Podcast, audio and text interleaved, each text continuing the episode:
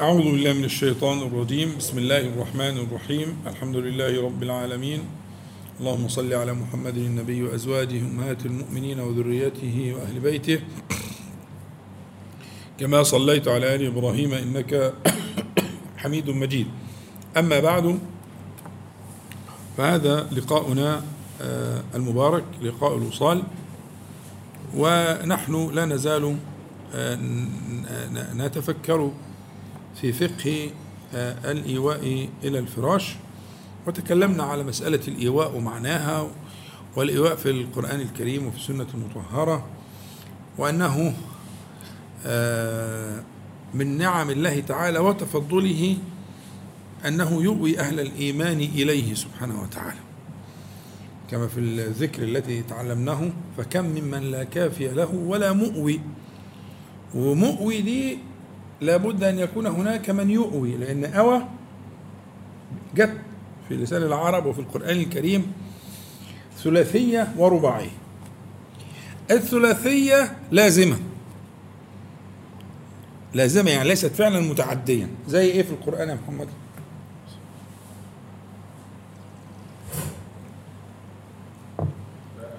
إذ أوى الفتية إلى الكهف. دي لا دي دي ثلاثية لازمة. يعني من فعل العبد. مظبوط؟ إذ أوينا إلى الصخرة فإني نسيت الحوت.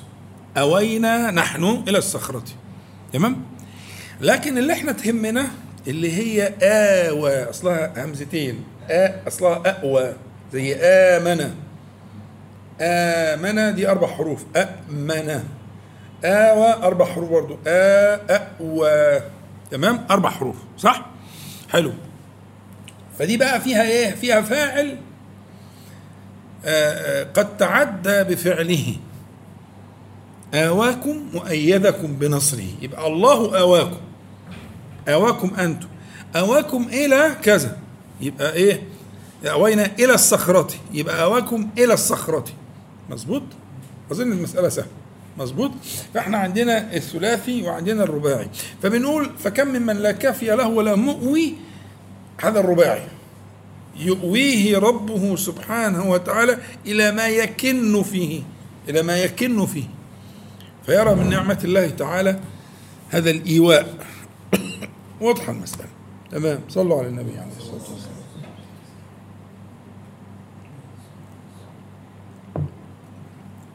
فنحن لا نزال نتفكر في فقه هذا الإيواء وأنه من نعم الله تعالى على العباد أنه يؤويهم وقد امتن سبحانه وتعالى على الصحابة الكرام رضي الله عنهم.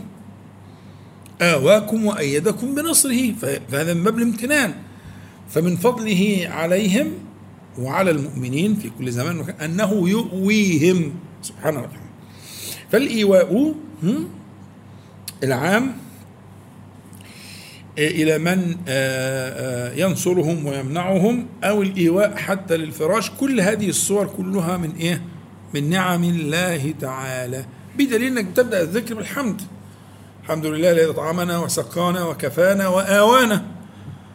مش كده ولا إيه؟ فمن فكم ممن لا كافي له ولا مؤوي فإذا أنت بدأت بالحمد والحمد يكون على النعم وتذكر النعم أهي.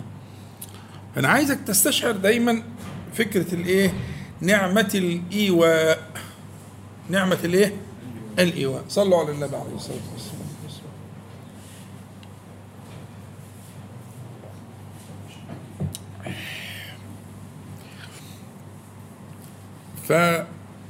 فمن هذا الفقه من هذا الفقه مسألة مهمة هيكون فيها شيء من من بعض المقدمات والبيان كده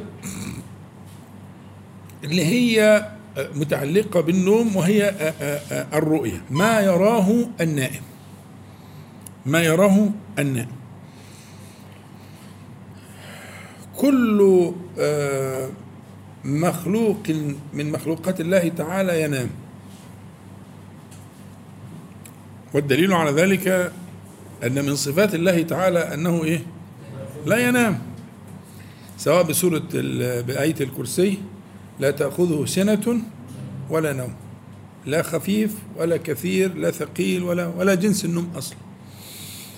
إن إن الله تعالى لا ينبغي لا ينام ولا ينبغي له أن ينام. حديث مسلم. لا لا لا ينام ولا ينبغي ولا يليق. فهذا اللائق بالمخلوق ولا يليق بالخالق. تمام؟ فالنوم من آه، آه، علامات النقص في المخلوق. دليل. انه لا يستطيع. حاجته إلى النوم حاجته إلى الأشياء الأخرى كالطعام إلى آخره هذه حاجات لا يمكن الانفكاك عنها. مستحيل. طيب. ربنا سبحانه وتعالى أودع في الليل في النوم عفوا اودع في النوم آيات. يعني إيه آيات؟ يعني دلائل تدل على وحدانيات الله تعالى وقدرته. ومن آياته منامكم بالليل. من آياته. يعني إيه آيات؟ إيه الآية؟ إيه معنى الآية؟ آه ما يدل على صدق المتكلم. حديث البخاري ما من نبي إلا وأوتي ما على مثله آمن البشر فكان الذي أوتيته وحيا أوحاه الله إلي حلو أوي. يبقى إذا الآية تدل على قدرة الله سبحانه وتعالى وعلى تفرده وحدانيته وعلى صدق المبلغ عن الله.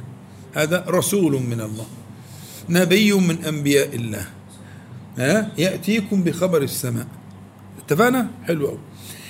الشاهد بقى أنه لما قال ومن آياته منامكم علمنا أن النوم آية من آيات الله تعالى فيها ما يدل على قدرة الله تعالى وتفرده ووحدانيته سبحانه وتعالى. طيب. أودع الله سبحانه وتعالى في, في النوم أسرارا كثيرة. إحنا حنتعرض لشيء إحنا طبعا ذكرنا قبل ذاكر يعني اللي يحب يراجع سواء من من عدة أشهر أو حتى أكثر من أشهر من ربما من سنتين مثلا تكلمنا بنوع من التفصيل في الوصف التشريحي والفسيولوجي وإلى آخره. علم وظائف الأعضاء يعني للنوم. لكن إحنا لا نزال الآن مشغولين بالقضية من الناحيه الشرعية. عايزين نفكر نشوف إيه ما الذي أودعه الله سبحانه وتعالى في هذه الوظيفة بحيث إنك أنت لما تقبل على النوم تبقى عارف إن أنت تقبل على وظيفة شرعية. ما تستغربش؟ والله وظيفة شرعية. بس للأسف لا ينتبه إليها أكثر المتدينين مش الناس. يعني أكثر المتدينين ينتبهون إن هذه وظيفة شرعية. وبيقول كده في الأذكار يعني أنت أنت الأذكار اللي إحنا درسناها أنت بتقول فيها كده. أن ربنا سبحانه وتعالى جعل, جعل هذا آه، آه، آه، زادا زادا تتزود به لتعبده. هو يعني هو سبحانه وتعالى دلك على ذلك. ف كل ذلك يعني ذكرت شيئا منه. لكن اللي يهمني الليلة دي إن أنا عايز أشوف إن من من هذه المعاني المهمة جدا ما يودع الله عز وجل في النوم مما يراه النائم. وده من العجائب. إن النائم يكثر يقل يتوسط يرى شيئا. أظن دي فيهاش خلاف ولا فيها خلاف؟ فيهاش خلاف. في أحد مكثر وفي واحد مقل وفي واحد بينهما لكن ما من أحد ينام إلا وأحيانا يرى شيئا. فالسؤال ما قيمة هذا الذي يراه؟ اللي بيشوفه النائم ده إيه حكايته. وهل يمكن أن يكون عملا شرعيا وأن ينتفع به؟ بل هل ممكن أن يكون مطلبا؟ يدعو به؟ أي نعم. عندنا حديث آه، آه، ذكر الإمام النووي في كتاب الأذكار وغيره طبعا. هو في كتاب ابن السني والحافظ ابن حجر حكم آه، بصحة إسناده موقوفا على أمنا عائشة رضي الله عنها. أن عائشة يحكي عنها من كان يراها أنها كانت إذا أرادت النوم تقول اللهم إني أسألك رؤيا صالحة صادقة رؤيا صالحة صادقة غير كاذبة نافعة غير ضار. اللهم إني أسألك رؤيا صالحة صادقة غير كاذبة نافعة غير ضار. وكانت إذا قالت هذا قد عرفوا أنها أنها غير متكلمة بشيء حتى تصبح أو تستيقظ من الليل تمام دي الرواية اللي عند ابن السني فلما نلاقي أم المؤمنين وهي أعرف الناس بنبينا صلى الله عليه وسلم وكانت ترى منه ما لا يراه غيرها سيما في الأمور الإيه؟ ها؟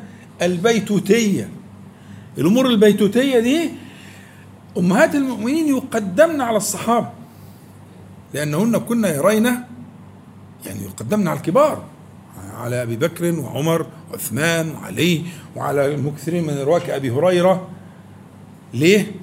إنهن يرين ما لا يرى الآخرون فهي تحكي عما لا يراه غيرها ولذلك في كل ما يتعلق بخصوصيات النبي صلى الله عليه وسلم وبيتوتته أمهات المؤمنين هم هن اللائي يقدمن. في في الرواية. واذكرن ما يتلى في بيوتكن. من آيات الله يعني القرآن الكريم والحكمة يعني الإيه؟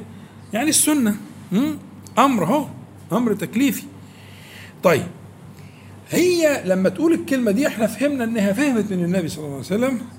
أن هذا أمر مشروع. أن المرأة يسأل الله تبارك وتعالى رؤية بثلاث صفات. هي بتسأل بثلاث صفات. وكانت بتعلي صوتها بدين اتروت هي اتروت إزاي؟ بتعلي صوتها بحيث اللي حواليها ها يسمعوا. فيحكوا. ويرين منها أنها لا تتكلم. كان بتختم ده كان ده الختم اللي بيتحط على الإيه؟ ما إحنا قلنا الأذكار كتير. إن شاء الله الحصه الجايه واللي بعديها هنلم كل اللي قلناه عشان نبني عليه عليه. يعني الأذكار من أكثر أبواب الأذكار ذكرا ذكر أذكار لواء للفراش ده من أعجب ما يكون. من أعجب ما يكون. يعني لا ينافس أذكار طرفي النهار إلا ذكر لواء للفراش العدد من جهة العدد والصحة. حاجة غريبة جدا. استوقفتني مليا. جعلت أفكر فيها. كم من الاذكار الصحيحة عددا ها؟ المرويه عن النبي عليه الصلاة والسلام في هذا المقام لا ينافسه مقام هو اللي بينافس. ينافس أذكار الصباح والمساء ينافس كل طبعا في أذكار تانية أقل بكتير لكن الاذكار الأكثر عددا ها؟ هي أذكار طرفي النهار ودبر الصلوات. هذا الموضع ينافس كل هذه المواضع. اللي هو موضع الإيه؟ وعدوا عليا. إن شاء الله هجيب لكم اللي قلته قبل كده عشان نكمل بعد كده. هتلاقي نفسك دلوقتي بقينا سبع ثمان تسع أذكار ولسه. فهي كانت بتختم بالدعاء الذي تطلب فيه ثلاثة ها آه صفات لما يراه النائم. اللهم إني أسألك رؤيا صالحة صادقة غير كاذبة نافعة غير ضارة وتجعل ذلك آخر ما تقول. مظبوط؟ هي طلبت ثلاث صفات. أول حاجة الصلاح. طيب بمفهوم المغايرة. بمفهوم المغايرة. نفهم إيه؟ يلا شطار. ها؟ إن في رؤية غير صالحة صح؟ يبقى دي أول ملحوظة. دي الفقيهة دي. ها؟ أمنا رضي الله عنها فاهمة. فلما تقول رؤية صالحة يبقى هي بتفهمك تقول خلي بالك إن في رؤية مش صالحة. في ألاعيب في شيطنة في الموضوع. فاتعلم منها رضي الله عنها قول زيها. رؤية صالح. يبقى دي أول حاجة. يبقى أداة فهمتنا إن في هنا في تقسيم للإيه؟ للرؤى. تاني حاجة صادقة غير كاذبة. يبقى برضو بس هنا ذكرت كلمة غير كاذبة وغير ضارة هي زي صادقة بس ده بيبقى فيه نوع من التوكيد بيسموها صفة بيان يعني صفة للبيان للتوكيد. فكانت ممكن صادقة كفاية. لكن لما نقول صادقة غير كاذبة كأن يعني بتحلق عليها بتوضحها بتستحضرها في ذهنك. يبقى فهمنا من كده إن في رؤى صادقة ورؤى ها؟ كاذبة يبقى في رؤى رؤى صالحة وفي رؤى فاسدة. في رؤى صادقة ورؤى ها كاذبة. وبعدين نافعة غير ضارة نفس الكلام. يبقى في رؤية بتضر. أيوة في رؤية بتضر. إيه اللي بيضر فيها؟ تأويلها وحملها والمبالغة فيها. ولذلك أنا ممكن أضع عنوان هذا البحث اللي إحنا بنقراه سوا اللي هو ما يراه النائم بين الإفراط والتفريط. الإفراط المبالغة. ومش عارف إيه وشفنا إيه ولم إيه والتأويل إيه ونصر والتكلف في التأويل. و... إفراط.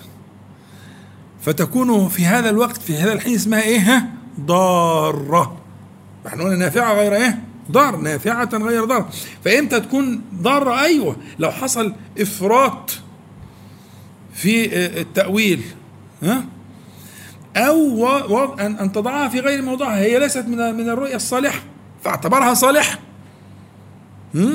وكان فيها شيء شر ومش عارف إيه وهنشوف هنعمل إيه مع الشر ومع الخير. لكن وضعها في غير موضعها يجعلها إيه؟ ضارة. يبقى نافعة غير ضارة. وفي المقابل في الناحية الثانية عندنا الإيه؟ التفريط.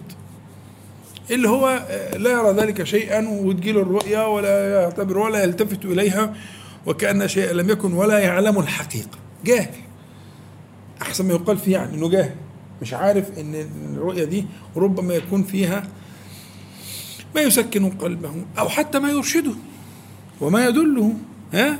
فهي الفكرة هذا الميزان الدقيق. هذا الميزان الدقيق الذي توزن به ودللنا على كده حرص النبي عليه الصلاة والسلام.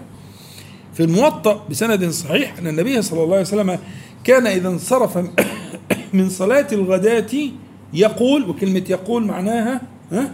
ها باستمرار يقول هل رأى أحد منكم الليلة رؤيا؟ عايز أحرص من كده إيه؟ بعد الفجر. حريص النبي صلى الله عليه وسلم. دول دول هؤلاء اصحابه الأطهار اللي هم بيعملوا على سنته وناموا على طهارة وناموا على ذكر وناموا على كذا فجايز تكون ها أرسلت رسائل نافعة من بعضهم ومن حرصه عليه الصلاة والسلام. مش مثلا يسيب لغايه ما هو واحد يجي يقول له أنا رأيت ذلك وأطلب منه التأويل. لا ده هو اللي بيقول كده عليه الصلاة والسلام. ها؟ الحديث في الموطأ وصحيح. يقول يعني معناها أمر متكرر. كان إذا يقول كان قلت لك أنا باب كان دي إيه؟ باب مهم قوي في السنة. واخد بالك؟ مهم جدا جدا. وارجع للجامع الصغير السيوطي مجمعين على بعضه كده باب جميل نافع جدا. كان كان كان بالاشياء اللي كان إيه؟ ها يواظب عليها صلى الله عليه وسلم.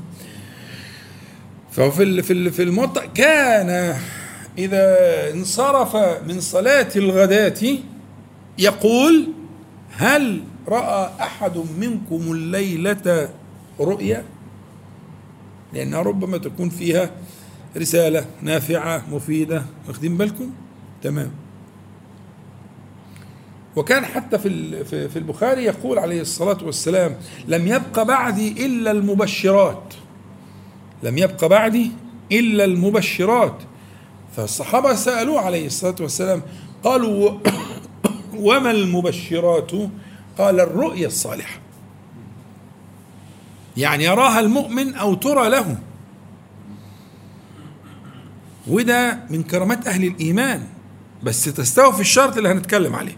إن شاء الله. أن تكون مستوفية لشرطها اللي هي جماعتهم الفقيهة بنت الفقيه المبرأة من فوق سبع سماوات رضي الله عنها أمنا رضي الله عنها جمعتهم في ثلاث كلمات. ثلاث كلمات. قالت صالحة صادقة نافعة. بليغة. فصيحة رضي الله عنها. هي ده فهمها سنة النبي عليه الصلاة والسلام. فجمعتها في ثلاث صفات. فإذا كانت الرؤية بهذه الطريقة أنها صالحة وأنها صادقة وأنها نافعة ها؟ خلاص هو دي اللي بيتكلم عنها النبي عليه الصلاة والسلام. لا لا لم يبق بعدي إلا المبشرات. قالوا ومن المبشرات؟ قال الرؤيا الصالحة. يعني يراها المؤمن أو ترى له. واخدين بال حضراتكم؟ صلوا على حضرة النبي عليه الصلاة والسلام. حتى صح عنه صلى الله عليه وسلم في الصحيح أنه قال الرؤيا الصادقة جزء من ستة وأربعين جزءا من النبوة. ليه بقى؟ لأن النبوة مبدأها كان الرؤيا. مبدأ النبوة مبدأ الوحي آخر مرحلة قبل مرحلة اقرأ كان النبي صلى الله عليه وسلم يرى الرؤيا فيراها في الحقيقة عيانا كفلق الصبح فهي جزء من ستة وأربعين جزءا من الإيه؟ ها؟ النبوة أنا عايز بس إيه أحضر لك نفسيتك شوية إنك تفهم إن النوم ده وظيفة النوم ده مش عدم. يا رب أنجح في إيصال هذه الرسالة. زي ما تقول مثلا إيه أنا هتصدق أو أنا هعمل عمرة أو أنا هصلي أو أنا هصوم أنا إيه؟ أنا. ده أنت بتفهم بقى. أنت بتفهم. ده صح عن بعض السلف أنه كان يقول إني أحتسب نومتي كما أحتسب قومتي. يعني عند الله. يعني يحتسب نومه في الأجر كما يحتسب قيامه في الأجر. يبقى أنا عندي حق ولا لا؟ عايز أغير نظرتك للفكرة. النوم كنز. كنز. قل أو قل ندر من ينتفع به. وأنا أشكو نفسي قبل أن أشكوكم يعني. ان الواحد يوصل نفسه إنه ساعة النوم بيبقى انهيار. حاله من انهيار لا غلط. المفروض نتوب إلى الله تعالى ونستغفره. ده النوم ده عملية بتتجهز لها وبتتحضر. عشان هي فيها نوع من الأرزاق لا يأتي إلا منها. أحفظ ذلك عني. والله الذي لا إله إلا هو. إن في النوم ارزاقا لا تأتي إلا منه. ما إحنا لسه بنقول أهو. لم يبق بعدي إلا ها؟ المبشرات. قالوا وما المبشرات؟ قال ها؟ الرؤيا الصالحة. لاش مصدر تاني. مبشرتها تيجي إزاي؟ كيف تحمل الملائكة إليك ذلك؟ ها؟ يبقى أنت لازم تفوق لروحك وتلحق. وتبتدي توظف ال ال ال النوم توظيف توظيف العبادة. كنز يا ابني والله كنز. والله كنز. لما لما نقعد نتكلم وتشوف هتلاقي فيه يعني أرزاق أرزاق. خلاص؟ يبقى ساعتها تقول إيه؟ آه ومن آياته منامكم الله. حلوة. جميلة. فأودع في تلك الآيات ما أودع من الأرزاق. ومن النعم. وتتوب بقى إلى الله وتاخدني معاك وأنت بتتوب عشان نتوب سوا. من حكاية نوم الانهيار بتاعنا ده اللي هو أو البلوة الثانية بقى اللي هي ينام وماسك الزفت. قطران في إيده فينام عليه. ده إيه ده؟ ده ينتقم من نفسه. والله إنه يحرم نفسه. ده بيقفل جميع أبواب الخير. بيقطع الثلاث صفات اللي قالتها امنا عائشة. يعني بيتأكد إن مفيش ولا صفة من الثلاثة لا صالحة ولا صادقة ولا نافعة ابدا. آه المجلس اللي فات. عند رأسه ملك يقول له اختم بخير. اختم بخير. على رأيك. أبوس إيدك اختم بخير. اعمل أي حاجة. مش كده. انت ظالم نفسك ليه؟ لماذا تظلمها؟ فهذا انت شايفه. يعني ال ال ال ال هذا المعنى وهذا الفضل وهذا الباب من أبواب الرزق آه، يغفل عنه أكثر الناس. صح عن النبي صلى الله عليه وسلم المعنى أنه آه، أن الرؤيا الصالحة عند اقتراب الزمان تكاد لا تخطئ. يعني إيه؟ يعني كل ما تباعدنا عن زمن النبوة كل ما كانت هذه الرؤى ها آه، وأثرها لأهل الإيمان المستحقين تكون أكثر صدقا. ليه؟ لحاجة الناس. فبتأتي الملائكة الكرام وتأتي الرسالات من الله تعالى إليكم. أيها المؤمنون اللي هم فهموا قضيه النوم وبيوظفوه صح فتأتي الرسائل الصادقة الكثيرة لحاجة الناس ولبعدهم عن زمن النبوة ولتغير الزمان. لما اشتدت الحاجة ها اتسع الرزق. ف اجتهاد الإنسان أن يكون موضعا محلا صالحا طاهرا لقدوم الملك. برسالة الله تعالى يقربه من إيه؟ من من هذا الغرب قبل ما نسيب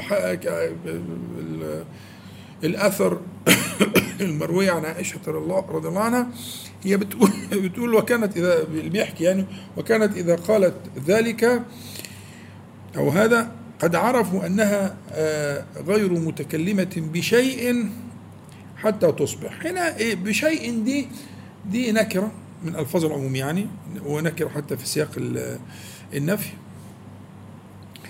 فلكن هو العموم هنا في الحقيقة الصح إن هو عموم يراد به الخصوص. يعني عشان برضه ما حدش يفهم غلط لأن الأذكار كتير.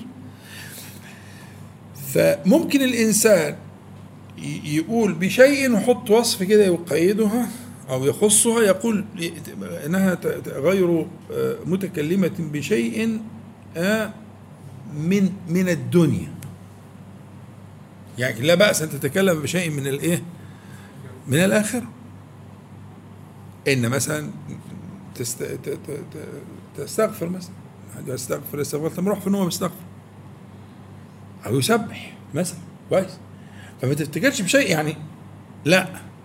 هي هنا القيد ده مطلوب أو التخصيص ده مطلوب مخصص ده مطلوب عشان يبقى نقول أنها غير متكلمة بشيء من الدنيا. ولكن قد تتكلم بشيء من الآخر. وتبقى الدنيا كده قريبة. مظبوط؟ عشان بس محدش إيه آه لا مفيش مانع. بس ما تقعدش بقى تتكلم في كلام الدنيا الفارغ. أو آه الحاجات اللي ملهاش لازمة اللي ذكرناها من شوية دي. تمام؟ طيب. بداية ملخص الكلام اللي صح عن النبي عليه الصلاة والسلام أن ما يراه المؤمن في نومه هو ثلاث أقسام. خلاصة الأحاديث كثيرة وال... وكلام أهل العلم في تأويلها وتفسيرها وكده. حتى أنت ممكن لو حبيت ترجع في كتاب كتاب من كتب الجمع الصحيح لإمام البخاري اسمه كتاب التعبير. اسمه كتاب التعبير زي ما في كتاب الصيام وكتاب في كتاب اسمه كتاب التعبير اللي هو تعبير الإيه؟ الرؤى. كتاب كامل. وفي بقى يعني كلام كتير والحافظ ابن حجر محقق مسائل كتير واي حاجات جميلة تستفيد جدا لو أردت أن ترجع. ومن أجمع ما يكون وأنفع ما يكون. في سهل الإمام البخاري بشرح في فتح الباري. جميل جدا. خلاصة اللي هتلاقيه أن ما يراه النائم على ثلاثة أنواع. أول حاجة اللي إحنا شرحناها ونرجوها من الله تعالى. الرؤيا الصالحة يراها المؤمن أو ترى له. على حاجة. ودي بتكون من الملك. يحملها الملك. وبتبقى على هيئتين يا تيجي صريحة يا تيجي تحتاج إلى تأويل. يعني برمز. خلاص؟ آآ آآ يجي مثلا حبل والحبل ده يراد به الدين. اعتصموا ها؟ بحبل الله جميعا ولا تفرقوا. يبقى هيبقى الحبل هنا هتبقى يبقى جاب لك رمز. هم؟ لشيء. فيجيب لك الحبل ومستمسك بيه وانت ماسك الحبل ده كويس ومش عارف إيه آه، إلى آخره. أو هو يدي لك الحبل يقول لك امسك والطرف مثلا مثلا يعني ها؟ فهنا الحبل يبقى جالك برمز. أحيانا يأتي بالصريح يأتي لك برسالة مثلا. افعل كذا كذا كذا لأجل آآ آآ مثلا والدك. الذي مثلا سبق أو كذا. يجي لك رسالة بقى رسالة صريحة. ممكن تأتي صريحة أو تأتي مؤولة وهذه تكون من الملك وهذه شرطها أن يكون المحل خلي بالك ها قابلا. هي دي المصيبة. طب إزاي يابا؟ ده حاجة سهلة جدا. التزم بشيء من الأذكار مش لازم كلها بشيء من الأذكار ونم على التوبة. نم على التوبة. بس. أنت كده. حل قابل نم طاهرا تائبا وقل ما تستطيع من الأذكار. خلاص. إحنا قلنا من بات طاهرا بات في شعاره ملك أو بات في شعار ملك. والحديث اللي قلناه المرة اللي فاتت اللي هو يختم بخير فإن ختم فهو يقف على رأسه. يحرسه حتى يصبح. مسألة قريبة. وقال له بخير وقال له بخير يعني أي ذكر من الأذكار اللي أنت تعتدي كفاية. طب ذكرين طب ثلاثة زي الفل. وأنا قلت لك قبل كده إن الكبار كعلي رضي الله عنه وغيره من كبار الصحابة بيقول صح عنه ان يقول إني إني آه يعني معنى أظن أو كده أن رجلا يعقل ها؟ ينام قبل أن يقرأ الآيتين من سورة البقرة الأخيرتين. كانه ذهب عقله وفي عن مثلا أم المؤمنين برضو آية الكرسي. يعني كأن الذي ينام ولا يقرأ آية الكرسي وخواتيم البقرة كأنه ها؟ ذهب عقله ده بني آدم ما بيعقلش. ليه؟ لما يترتب عليها. فلو في حد أدنى مع الطهارة والتوبة خلصت. الآن المحل إيه؟ ها؟ قابل. يبقى قلت لك أول حاجة الرؤية الصالحة وإما أن تكون صريحة أو تكون مؤولة ها؟ وشرطها أن يكون المحل قابلا. قابلا إزاي يا الحج بالطهارة الظاهرة وبالتوبة وهي الباطنة يبقى طهارة ظاهرة وباطنة بالحاجتين دول. تطهر ظاهرا وباطنا بالوضوء وبالايه؟ ها؟ أيوه. هنا في أسئلة فقهية كتير واحد دخل وبعدين إيه؟ أحدث. لا هو ده كان كفاية. هو الشرط ان ان ان أن تأتي إلى فراشك طاهرا مش أن تحافظ على طهارة دي مش صلاة. ليست صلاة. عشان ما إيه لا, لا, لا تصيب نفسك بالعنت. ليست صلاة. المهم إنك أنت دخلت الفراش ونفضت بسم الله ودخلت وقلت ذكر ولا اتنين ثم أحدث بريح أو نحوه. خلاص. ما يلزمكش بقى لك أقول لك قوم توضأ وارجع. لا. هذا من التضييق الذي يقطع الطريق. لكن أنت خليك. المهم دخلت الفراش طاهرا. وبعد كده بقى إيه؟ تطهر الباطنه بالإيه؟ ها؟ بالتوبة. كده المحل قابل. وجاهز لاستقبال الإيه؟ الرؤية الإيه؟ الصالحة. وإما أن تكون آه، آه، صريحة وإما أن تكون مؤولة. التأويل بقى ها؟ في برضه تنبيه خفيف كده إنه آه، يعني سوق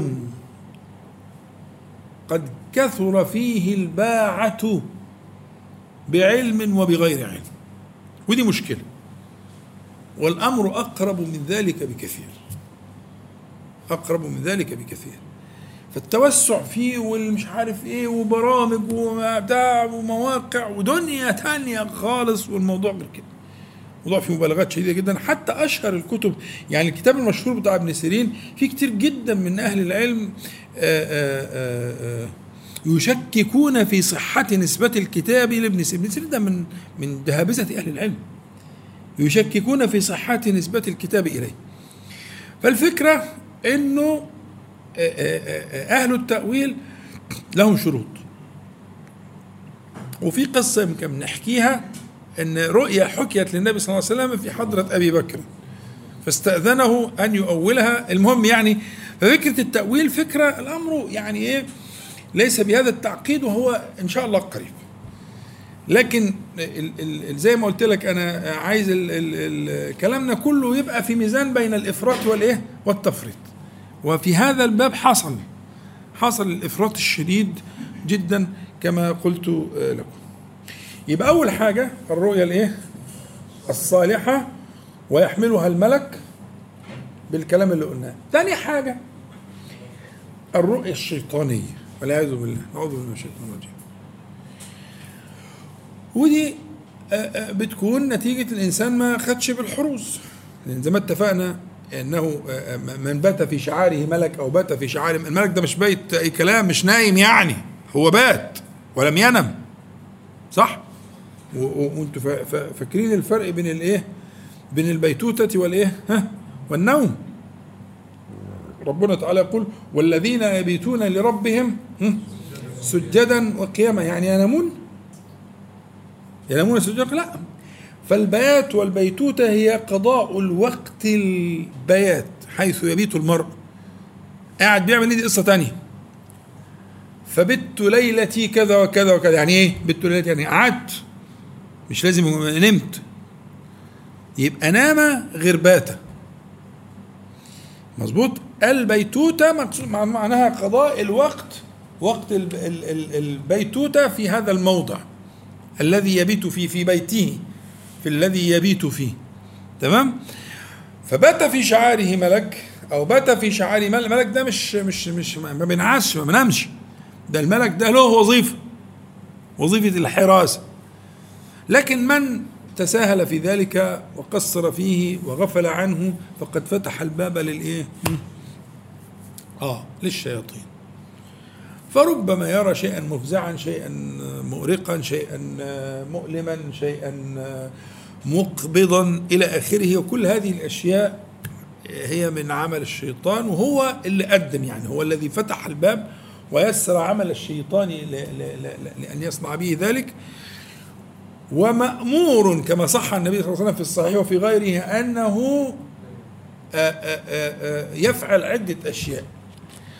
الأشياء اللي هي القابضة طبعا الرؤى الصالحة دي لا تكون قابضة بتكون شاغلة للذهن. يعني يكون مثلا فيها أفكار يكون فيها آه، معاني يكون فيها رموز بس لكن ما تبقاش فيها الإيه؟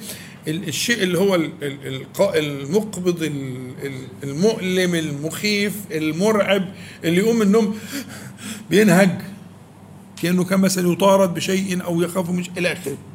لا مش كده. فالرؤيا الصالحة زي ما قلت لك أول حاجة يحمد الله تبارك وتعالى يستبشر هذه بشرى من الله سبحانه وتعالى يحدث بها من يثق في دينه. ما تروحش لأي حد. ها؟ يحدث بها من يثق في دينه سواء إذا كانت صريحة أو عايزة تأويل. يبقى لنا كم حاجة؟ ها؟ ثلاث حاجات نحرص عليه دي في الصالحة. يسر بها يطمئن بها يفرح بها يستبشر بها ولا جميل جدا. ويحمد الله تعالى عليها ويحدث بها. بدليل النبي صلى الله عليه وسلم كان يقول إيه؟ من منكم رأى البارحة رؤيا أو الليلة رؤيا؟ في الموطأ. بيقول الكلام ده ليه؟ أهو النبي عليه الصلاة والسلام يحكيها له. فممكن واحد برضه من الناس الصالحين يعمل حاجة زي كده ويسأل الشباب اللي معاه أو الناس اللي معاه بعد الفجر وتبقى حاجة كويسة بس تبقى منضبطة بهذا الضابط لكن الرؤية بقى إنه القسم الثاني اللي هو الشيطاني المكروه ها ده له آه، ضوابط مهمة جدا لازم ننتبه بيها. أول حاجة يتعوذ بالله. لأنها جاية منين؟ ها؟ آه. يبقى أول حاجة أن يتعوذ بالله تبارك وتعالى من شرها ويتعوذ بالله تعالى من الشيطان الرجيم لأن هو كان له دور في القضية دي. ولا بأس أن يدفل عن يساره لأن يدفل عن يساره كما يفعل في الصلاة. إذا مثلا شغله الشيطان أو حاجة زي كده ها؟ وهناك قلنا يذكرها لمن يثق في دينه هنا لا يذكرها أصلا. تكرارها غلط. لا يحكيها لا الصالح ولا الطالح ولا الغيره خالص. كأنها ما كانت يقتلها يئدها يئدها تمام؟ وفي بعض الروايات إنه لو قدر يقوم يصلي يقوم يصلي. ليذهب عنه هذا الإيه الشيطان أو ما قدرش يتحول عن جنبه وهو يذكر الله تعالى. خلاص؟ مركزين معايا؟ طيب يبقى أنا عندي ال ال ال ال الرؤية الصالحه وقلنا خصائصها ومواصفاتها وما ينبغي العمل فيها ها؟ وقلنا الرؤية ال ال ال الشر المخيفة المكروهة إلى آخره وقلنا ما ينبغي العمل فيها وده. النوع الثالث قلت لك هم ثلاثة. النوع الثالث هو لا من هذا ولا من ذاك ولكن ده ما يسميه الناس أو العلماء أو المتخصصون حديث النفس. اللي إحنا بنسميه أو بعض أهل اللي يسموه العقل الباطن. اللي هو دي يقعد يحكي الحاجة اللي حصلت. كأنه بي إيه بيراجع الشريط. أحيانا متركب غلط أحيانا متركب صح أحيانا يعني إيه يخش في وسطه كده حاجة الشيطان يلعب برضه إذا كانت هي ما أصلا كانت ما كانتش إن هي خالصة قوي ما كانش الواحد يعني إيه الاضغاث اضغاث واحيانا الاضغاث هي الأخلاط. خذ ضغثا الضغث المادة نفسها مادة أخلاط من أجناس غير متوافقة. يعني أشياء مختلفة عن بعضها ها؟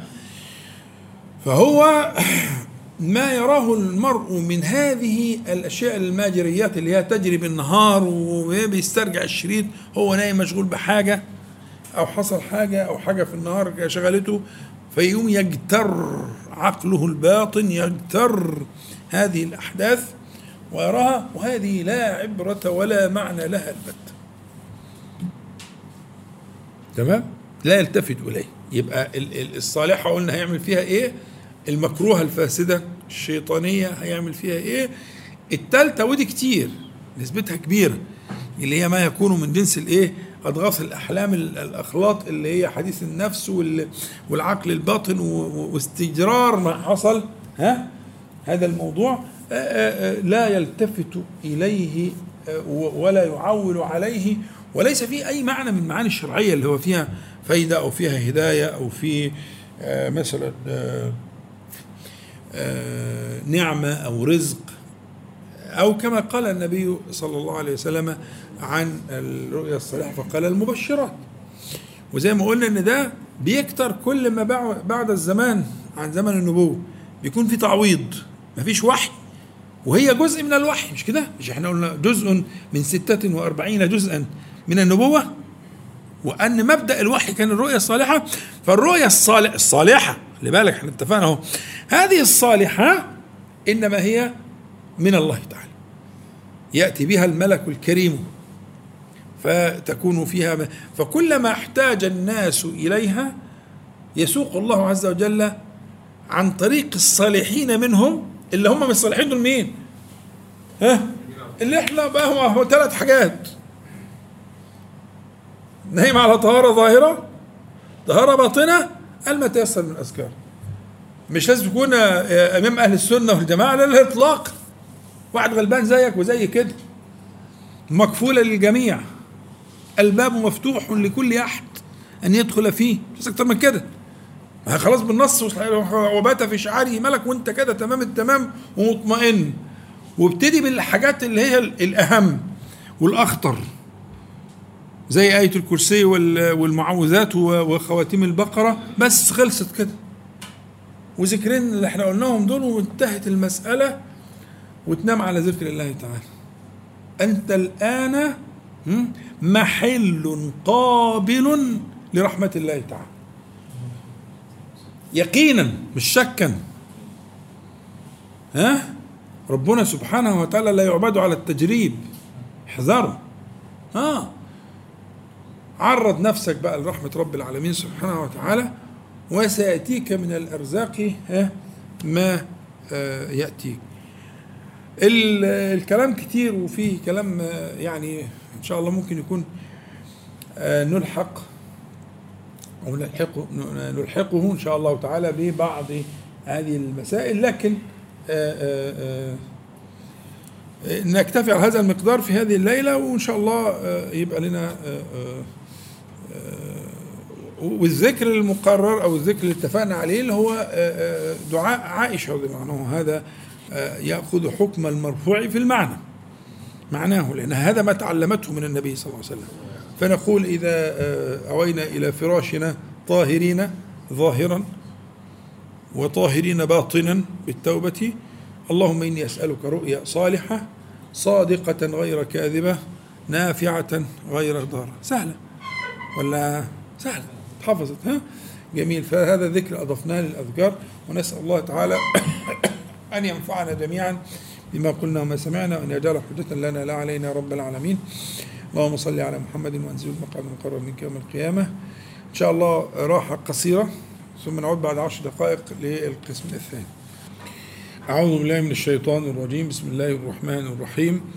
الحمد لله رب العالمين. اللهم صل على محمد وأنزل المقعد المقرب منك يوم القيامة. أما بعد فإن شاء الله نبدأ آه، إذا كان في حد عنده سؤال يتفضل. اتفضل. بسم الله الرحمن الرحيم.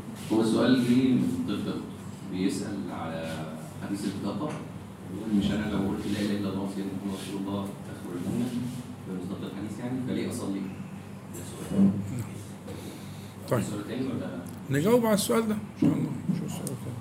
بسم الله والحمد لله والصلاة والسلام على رسول الله صلى الله عليه وسلم. أما بعد فالسؤال ده مش على حديث البطاقة بس يعني على حديث البطاقة وغير حديث البطاقة اللي هي الأعمال التي آه، رتب عليها الشارع الحكيم سواء في القرآن الكريم أو في السنة المطهرة أن من فعل كذا دخل الجنة. يعني كتير حديث كتير آه، أردت أن تحصيها لوجدتها عددا كبيرا. طيب فعل كذا. طب ولم يفعل بقية الأعمال والأفعال والأقوال؟ يبقى وارد سؤال وارد. يعني من فعل كذا دخل الجنة. فبشأن سؤال البطاقة الإجابة أسهل. يعني الأعمال الأخرى اللي هي أعمال بدنية ها؟ آه الإجابة قد تكون يعني لكن هو كويس إن السائل هذا الطفل يعني له وجه في سؤاله. اللي هو أتى حديث أتت البطاقة فطاشت معها السجلات إلى آخره. هو السؤال هل من قال لا إله إلا الله محمد رسول الله دخل الجنة وإن لم يصلي ولم يصم ولم يفعل كذا وكذا؟ كأن هذا صيغة السؤال يعني. تمام؟ الجواب لا. الجواب لا؟ من وجهين. الوجه الأول أن يكون الكلام في دخول الجنة ابتداء يعني من غير سابقة عذاب. وفي الحالة دي آه هذا احتمال. أن من قال لا إله إلا الله ولم يفعل شيئا من أعمال الإيمان علم الله تعالى في قلبه شيئا فأدخله الجنة. ربما. لكن ليس وعدا. فدخول الجنة ليس آه، فيه وعد بعدم آه، العذاب قبلها. لأن من المؤمنين من سيعذبون. والعياذ بالله. حتى لا يبقى في النار من في قلبه مثقال ذرة من إيمان. من لا إله إلا الله. لكن داخل أدخل معذب أعذب. لكن السؤال أن تسأل الله تبارك وتعالى الجنة من غير حساب لأن من نوقش الحساب عذب ولا سابقة عذاب. صح؟ كده يبقى ده السؤال. يبقى ده الوجه الأول. تمام؟ ومناقشة الحساب معناها نصب الم... ال- يعني الايه ال... ال... ال... الهيئة التي تسبق العذاب. لكن قد يسر الله تعالى إليه ولا يراه أحد ولا يعذبه. زي حديث الايه؟ آه النجوى. حديث النجوى في الصحيح. من رواية ابن عمر وغيره. أنه سئل وكان يطوف هل سمعت في النجوى شيء؟ قال آه سمعت. رسول الله صلى الله عليه وسلم يقول آه إذا كان يوم القيامة أو في معنى الحديث يعني جعل الله عز وجل العبد في كنفه فيقرره عمله. يقول عملت كذا في يوم كذا وكذا عملت كذا فيجعل آه، يلتفت آه، هنا وهناك فيقول لا عليك إنك في كنفي لا يراك أحد. حتى يغلب عليه أنه هلك لأنه يعرض عليه ال- ال- الخزايا. لكن هذا مما ستره الله تعالى في الدنيا. فيقول سترت عليك في الدنيا واليوم أغفرها لك فيغفر له ولا يكون له عذاب. لكن المقصود بمناقشة الحساب اللي هي المناقشة العلنية. اللي هي بيبقى فيها على رؤوس الأشهاد. اللي بتبقى فيها ألوية. آه هو مسلم بس غادر. غادر. ينصب لكل غادر لواء يوم القيامة عند استه. يطلع من مؤخرته استه. وراية عالية عشان الناس تشوفها كل الخلائق يشوفوها لأن الأرض مستوية فيبقى الرايات باينة كده الرايات باينة فدي هذه غدرة فلان مكتوب عليه كده اللي يتفضح كده هيعذب لكن اللي يستر اللي يستر يبقى إذان بالإيه؟ بالعفو صح؟ اللي يستر إذان بالإيه؟ بالعفو. تمام؟ يبقى أول وجه في الجواب على السائل إنه إحنا كلامنا على إيه؟ على آآ آآ آآ أن تكون الجنة من غير حساب مناقشة الحساب ولا سابقة عذاب. هو ده الكلام. دي يبقى ده المعنى. مظبوط؟ ال- الوجه الثاني إن آه، آه، آه، لا إله إلا الله هو لا يدرك معناها قطعا. اللي يقول كده لا يدرك معنى لا إله إلا الله. لأن إله بمعنى مألوه. مألوه اسم مفعول. مألوه يعني إيه؟ ها؟ معبود. فلا معبود بحق إلا الله. دي كلمة لا إله إلا الله اللي هي- هتطيش معها السجلات. وتثقل الميزان. لا معبود. طب مين اللي عبده؟ الآخرين يعني وأنت ما عبدتوش؟ يعني بدي افهم يعني عايز انتفع بلا إله إلا الله. تقول لا معبود بحق إلا الله. ماشي. هذه كلمة حق. من الذي عبد؟ لا صلى ولا صام ولا ركع ولا ولا ولا عمل ولا سوى لك لا معبود بحق. طب من الآخرون يعني هم الذين عبدوه بحق. وانت بتتفرج عليهم؟ يعني ممكن عشان ده انت بتتكلم انه طفل يعني ممكن ابسط له المسألة. يا ابني كلمة لا إله إلا الله يعني لا معبود بحق إلا الله. مين اللي عبد؟ انت بتتكلم عن الملائكة الكرام يعني؟ ولا بتتكلم على على على حضرتك على شخصك؟ تقول عبدته بحق. خش يا اما خلاص كده تنفعك. يبقى لا إله إلا الله تنفعك الآن. يعني تقول تحكي عن حالك أنت. لم أعبد سواك. هذا قصر. لا إله إلا الله. النفي وال- والاستثناء ده قصر. يعني لن أعبد أحدا سواك. دي اللي في الفاتحة. إياك نعبد. يعبدك ولا نعبد غيرك. فالفتحة اللي أنت بتقولها يا ابني والكلمة اللي أنت بتضخها دي معناها أنك أفردته بالعبادة. والعبادة حبيبي على قسمين باطن وظاهر. العبادة الباطنة دليلها ال- العبادة الظاهرة.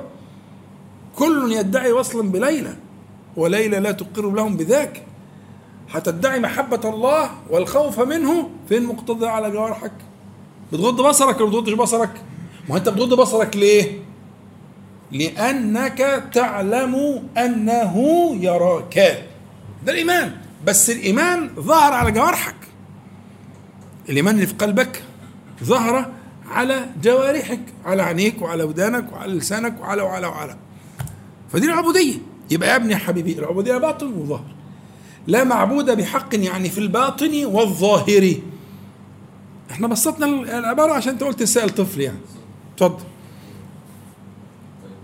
السؤال الثاني لو في حد اتحط في موقف يت- يتعامل مع متبرجات direct في ال online meetings عشان خاطر interview أو مم. في الشغل. فهو رفض بحجة إن ده في دليل شرعي إن هي عايش معاها المحرم بتاعها محرم. بتاعها آه فهل لا ما هو المحرم مش هي مش هيبرر التبرج أنت قلت حاجتين أنت بتتكلم في حاجتين بتتكلم في معنى الخلوة ومعنى التبرج.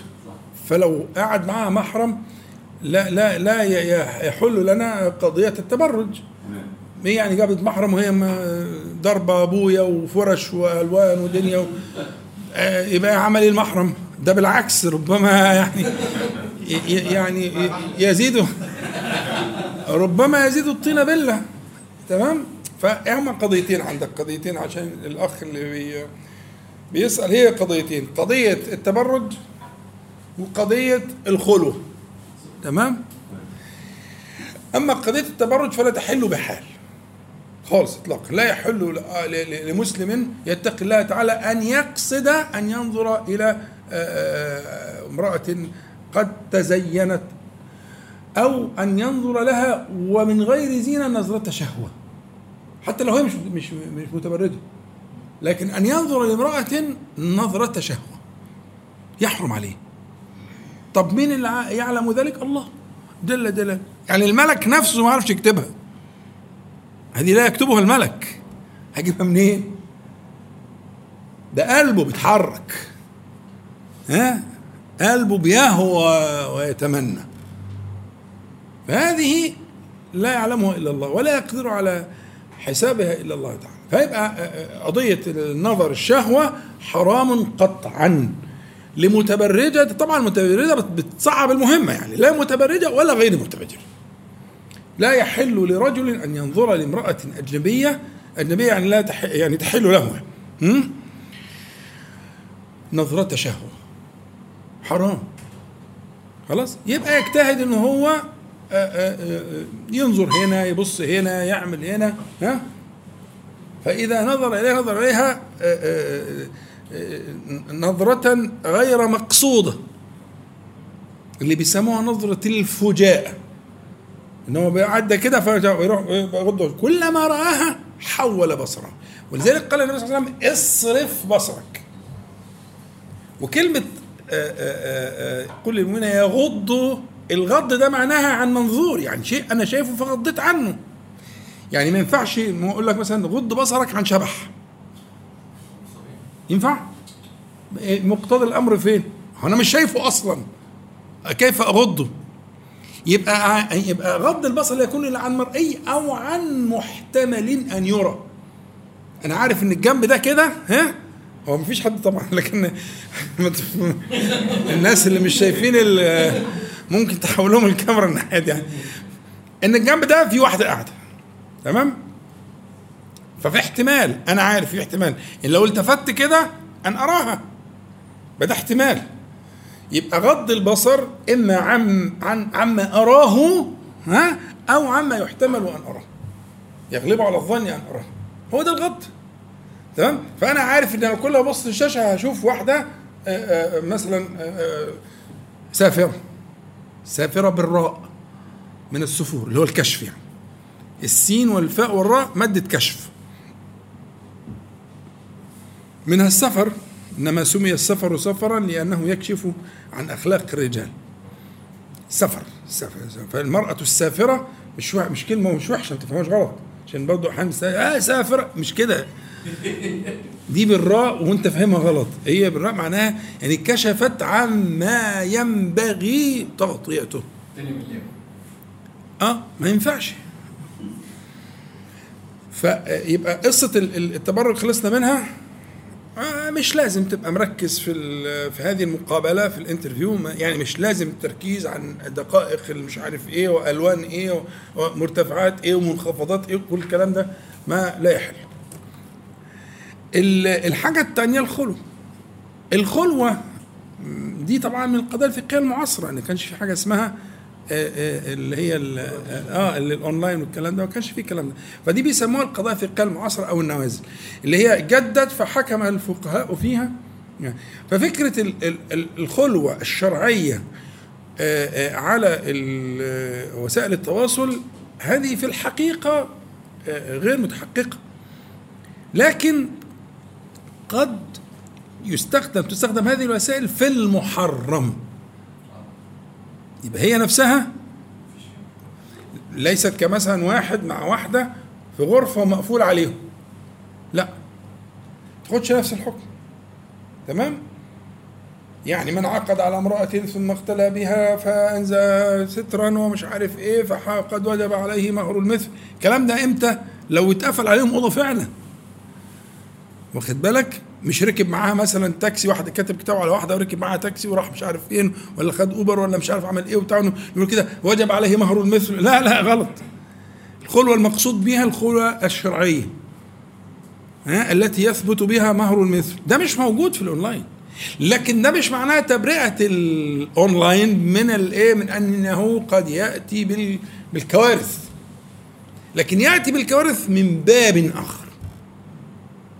من باب آخر إن ممكن يقال فيه ويصنع فيه ويفعل فيه ما لا يحل وبالتالي إحنا بنقول إن الحاجات اللي زي كده ممكن يبقى آه، آه، في آه، ما يمنع ذلك.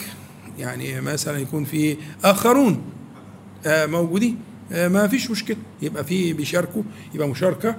الكلام كله هيبقى منضبط والدنيا منضبطة. أنا بقول كده كمان للي كاتب كتاب واللي مش عارف خاطب واللي مش عارف إيه. طب ما تعملوا مجموعة. فيها الوالد والوالدة وفيها مش عارف إيه بتاع خلاص كويس. الكلام اللي اتقال كله كلام إيه مأمون ومضمون وما فيش مشكلة فيه. فنتحايل بحيث إن إحنا نغلق أبواب الشياطين. أبواب الشياطين بتيجي منين؟ من المحتوى. لكن الخلوة نفسها مش خلوة. ما فيش خلوة شرعية اللي هي بيترتب عليها زي ما قلت لك مهر المثل ومش عارف إيه و... ها؟ و و و و و لكن هناك من الأسباب والوسائل ما يؤدي لل- للمحا فيبقى هو بيعمل في في البتاع ده في الكلم رسمي جدا آه، ما يستخدمش أي ألفاظ فيها آه، تبسط وتساهل وينكت ويعلق وكل الكلام ده آه، لا يحل بحال. يكون جاد جدا وموضوعي جدا ويختار الألفاظ وحضرتك يعني كلام كده يعني آه، آه، ويتخن صوته يعني مش عارف إيه ما يكونش لطيف ولا رقيق ولا كيوت ولا الحاجات دي كلها. كل ده بلا أزرق وده من عمل الشيطان. وتتعدى على خير إن شاء الله مفيش مشكلة لا شيء في ذلك. لكن لا, لا ليست فيها معنى الخلوة الشرعية المنهي عنها لكن فيها أيوه فيها أسباب طبعا من أسباب الفساد. فإذا أغلقنا هذه الأسباب وهذه الأبواب لم يبقى للخلوة مكان. الخلوه ما فيش منها ضرر إن شاء الله. في مسائل المقابلات والانترفيو عشان ظروف ال- الوباء والكلام ده لا بأس بذلك والله أعلم. اتفضل عندك سؤال تاني. نعم. جنبه بس بره الكاميرا لا أصل برضه ده, ده ده احتياط كويس برضه. لا إن هو لا يقعد حد من ولاده يقعد زوجته جنبه كويس. يعني هو هو اللي يطلب كده. عشان يعمل نوع من الايه من الاحترازات اللي هي قوية يعني كويس جدا. ويخشن نفسه كده وما لا داعي يكون لطيف ولا رقيق ولا مجامل ولا الكلام ده كله. يبقى كويس إن شاء الله. أنتوا أشطر مني في الحاجات دي. يلا يا سيدي اتفضل. السؤال اللي بعده. ما الفرق بين المسلمين والمؤمنين والمحسنين؟ ما عمل كل ما عمل كل منهم؟ هو ده بسم الله والحمد لله والصلاة والسلام على رسول الله صلى الله عليه وسلم. ده ده حديث جبريل. ذاك جبريل أتاكم يعلمكم دينكم. ده حديث جبريل اللي هو سأل النبي صلى الله عليه وسلم عن الإسلام وعن الإيمان وعن الإحسان. وفي بعدها يقول فلبثت مليا لسيدنا عمر. فقال ذاك جبريل جاءكم يعلمكم ها دينكم. يبقى الثلاث حاجات دول الدين. الدين عبارة عن الإسلام اللي هو معرف بالأركان الخمسة والإيمان بالأركان الستة والإحسان برتبتيه. فالدين الذي جاء به النبي صلى الله عليه وسلم دين الإسلام دين القيمة يعني الملة القيمة دين الملة القيمة الذي جاء به النبي صلى الله عليه وسلم رتبه مراقيه الإسلام والإيمان والإحسان. قالت الأعراب آمنا قل لم تؤمنوا ولكن قولوا أسلمنا. ولما يعني وليس بعده ولما يدخل الإيمان في قلوبكم. فدي رتب وكل رتبة مشروحة. الإسلام خمسة. آه الإيمان ستة. والإحسان اثنين. أوله أن تعلم أن الله يراك. اللي هي المراقبة. فاعلم أن الله دي الرتبة الأولى. تعلم دائما لا يغيب عنك أن الله يراك. زي صاحبنا كان بيتكلم على موضوع الانترفيو والكلام ده. هو لو عنده إحسان يبقى عارف إن ربنا سبحانه وتعالى يرى مستحضر كده على طول. فالكلمة هتطلع بحسابه والنظرة بحسابه والدنيا كلها بحسابه صح؟ وبعدين إذا ارتقى أعلى بقى المراتب اللي رتب أهل الاجتباء والاصطفاء عند الله آه، تبارك وتعالى أن يعبد الله كأنه دي كف تشبيه كأنه يراه. يعني يرى الله سبحانه وتعالى يعني يرى أسماء الله تعالى وصفات الله عز وجل. لا يرى ذات الله ولا يرى ذات الله. لكن يعبد الله في الدنيا كأنه يرى الله كيف كأنه يرى الله بأن يرى أسماءه وصفاته. سبحانه وتعالى. يبقى ده هيسبقها أنه يتعلم ما هي أسماؤه وما هي صفاته. ومش هيتعلم ما ياخدش فيها دكتوراه يتعلم باللي قاله النبي صلى الله عليه وسلم في دبر الصلوات وفي الصلوات وصباح الصباح والمساء الكلام اللي إحنا بنقعد قاعدين نقول فيه بقالنا سنين ده. هو ما فيش غير كده. لا سبيل إلا هذا. هو ده السبيل الأوحد. ال- ال- الصلوات ودبر الصلوات وطرفي النهار وانضف لهم اللي إحنا شغالين فيه دلوقتي اللي هو إيه؟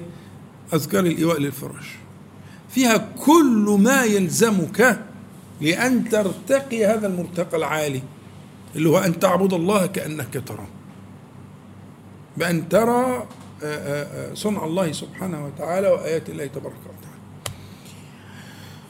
ده معناه الإحسان وده أعلى رتب ده نهاية الطريق يعني. كده السؤال الأولاني اتفضل. نعم؟ ماشي اتفضل.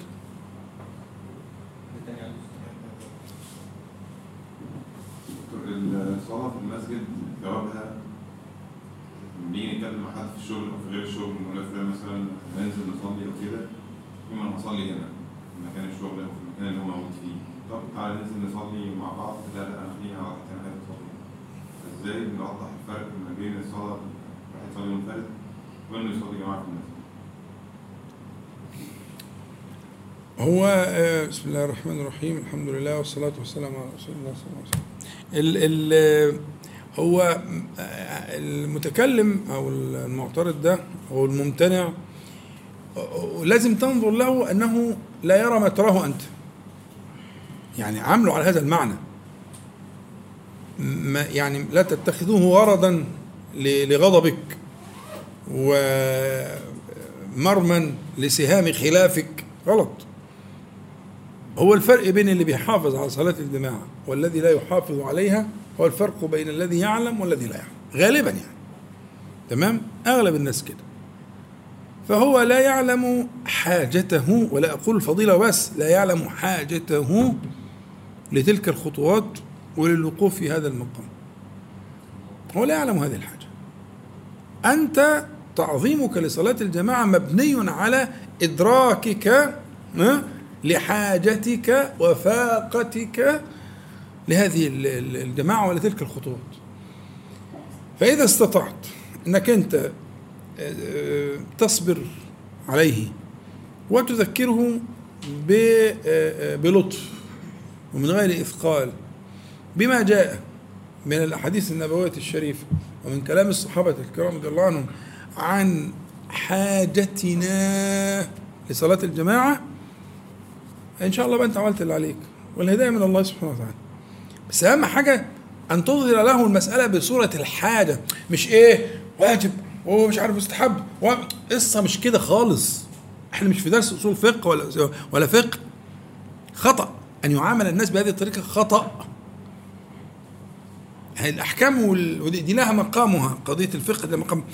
ال- الناس يخاطبون في ذلك على حاجتهم وفقرهم إلى ذكر الله تعالى. أنت تذكره لأنك تحيا بذكره. مثل الذي يذكر الله تعالى والذي لا يذكره كمثل الحي والميت. فأنت آه، تبحث تفتش عن أسباب حياتك. فجدد نيتك في نصيحته ولا ترى لنفسك فضلا عليه. لأن في الحقيقة نظر الله الأول سيكون إلى قلبك أنت. عشان يبقى في بركة في اللي بتعمله. لا ترى لنفسك فضلا عليه. آه، آه، آه، الفضل كله لله تعالى؟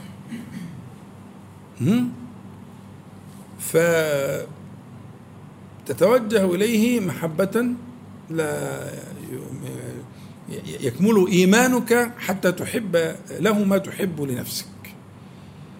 فيبقى من باب المحبة ولا ترى فضلا لنفسك ولا ترى نفسك خيرا منه تبتدي قضيتك تتكلم على حاجتك أنت؟ لتلك الصلاة. تصدق أنا لما سمعت كذا قلت كذا والموضوع ده خلاني رحت في حتة تانية خالص وشفت كذا. ده مرة واحد بيقول لي لو معاك آه، دولار وهنا هتغيره بكذا وهنا هتغيره ب- مش عارف آه، 25 ضعف ولا 30 ضعف ولا بتاع وتمشي لك خطوتين هتروح ولا مش هتروح؟ فخلاني مش أنت بتتكلم عن نفسك. وبتحكي حالك. ها؟ وتظهر فاقتك أنت وفقرك أنت إلى تلك الخطوات. هو بقى ينتفع ما ينتفعش دي حاجة بتاعت ربنا دي حاجة في الأزل. أخدت بالك؟ ادعي له بظهر الغيب وكده لكن أنت قضيتك أن تحيا هذه القضية أنت تحياها. لأن أنا القضية في الحقيقة هي فيما بينك أنت وبين الله. خلي بالك من دي. أنت هو بالنسبة لك في النهاية هيكون مشروع من مشاريع الثواب والأجر. و- ومبنى الثواب والأجر على قلبك اولا قبل جوارحك. الكلام والحاجات دي دي ثمرة الشجرة طب إذا كانت الشجرة مش موجودة أصلا هيبقى فين؟ أو بقى بتطلع ثمر مر. واحد لسانه مش مظبوط ولا عمال يقنط في الناس ولا مش عارف إيه وتعالى عليهم. يا عم بناقص مش ناقص يعني المسألة مش كده. لكن إذا تحققت أنت بما أقول? وبحاجتك أنت وفقرك وتوجهت إلى الله تبارك وتعالى قبل أن تتوجه إليه إن شاء الله يكون في بركة كبيرة جدا في سعيك. يعني خدت بالك؟ مع آه، إقرار أن صلاته صحيحة. ولكنها أقل أجرا. عشان المسألة دي مهمة. يعني هو صلاته مش بطلة صلاته لا تبطله. لكنها أقل أجر أنت صعبان عليك. أنت مشفق عليه. فاهم؟ اللي أنا بقوله ده هو محل نظر الله تعالى في قلبك. يعني الذي يحركك هو الشفقة عليه. مش إن أنت أحسن منه. أنت يعني هو صعبان عليك. خدت بالك؟ لكن من جهة ده ده مش منكر. يعني صلاته في بيته ليست منكرا ولكنها تفريط. لأن الواجب على الصواب على خلاف بين الفقهاء الواجب أن تقام الجماعة. ده الواجب على الأمة. الواجب الكفائي أن يرفع الأذان وأن تقام الجماعات. لكن من صلى في بيته لعذر أو حتى لغير عذر فلا يؤمر بالإعادة. صلاته صحيحة لكنه فرط فرط في أجر واسع وفي رزق وفي آه، آه، ما يحتاجه لفقره وضعفه. انت فهمت أنا حولت السؤال بالبلدي كده ليك أنت مش له هو يعني ودي و- وعايزكم تتعاملوا كده في الحقيقة. اسمعوا كلامي. حتى لا تخرج تخرج من أيديكم. المسألة. كونوا على ذلك وإن شاء الله تعالى هو ده الصواب وده الذي جاءت به النصوص. أقول قولي هذا واستغفر الله العظيم لي ولكم. اللهم صل على محمد النبي وأزواجه أمهات المؤمنين وذريته وأهل بيته كما صليت على آل إبراهيم إنك حميد مجيد. والحمد لله رب العالمين. نقول جميعا سبحانك اللهم ربنا وبحمدك. أشهد أن لا إله إلا أنت. أستغفرك وأتوب إليك. السلام عليكم ورحمة الله.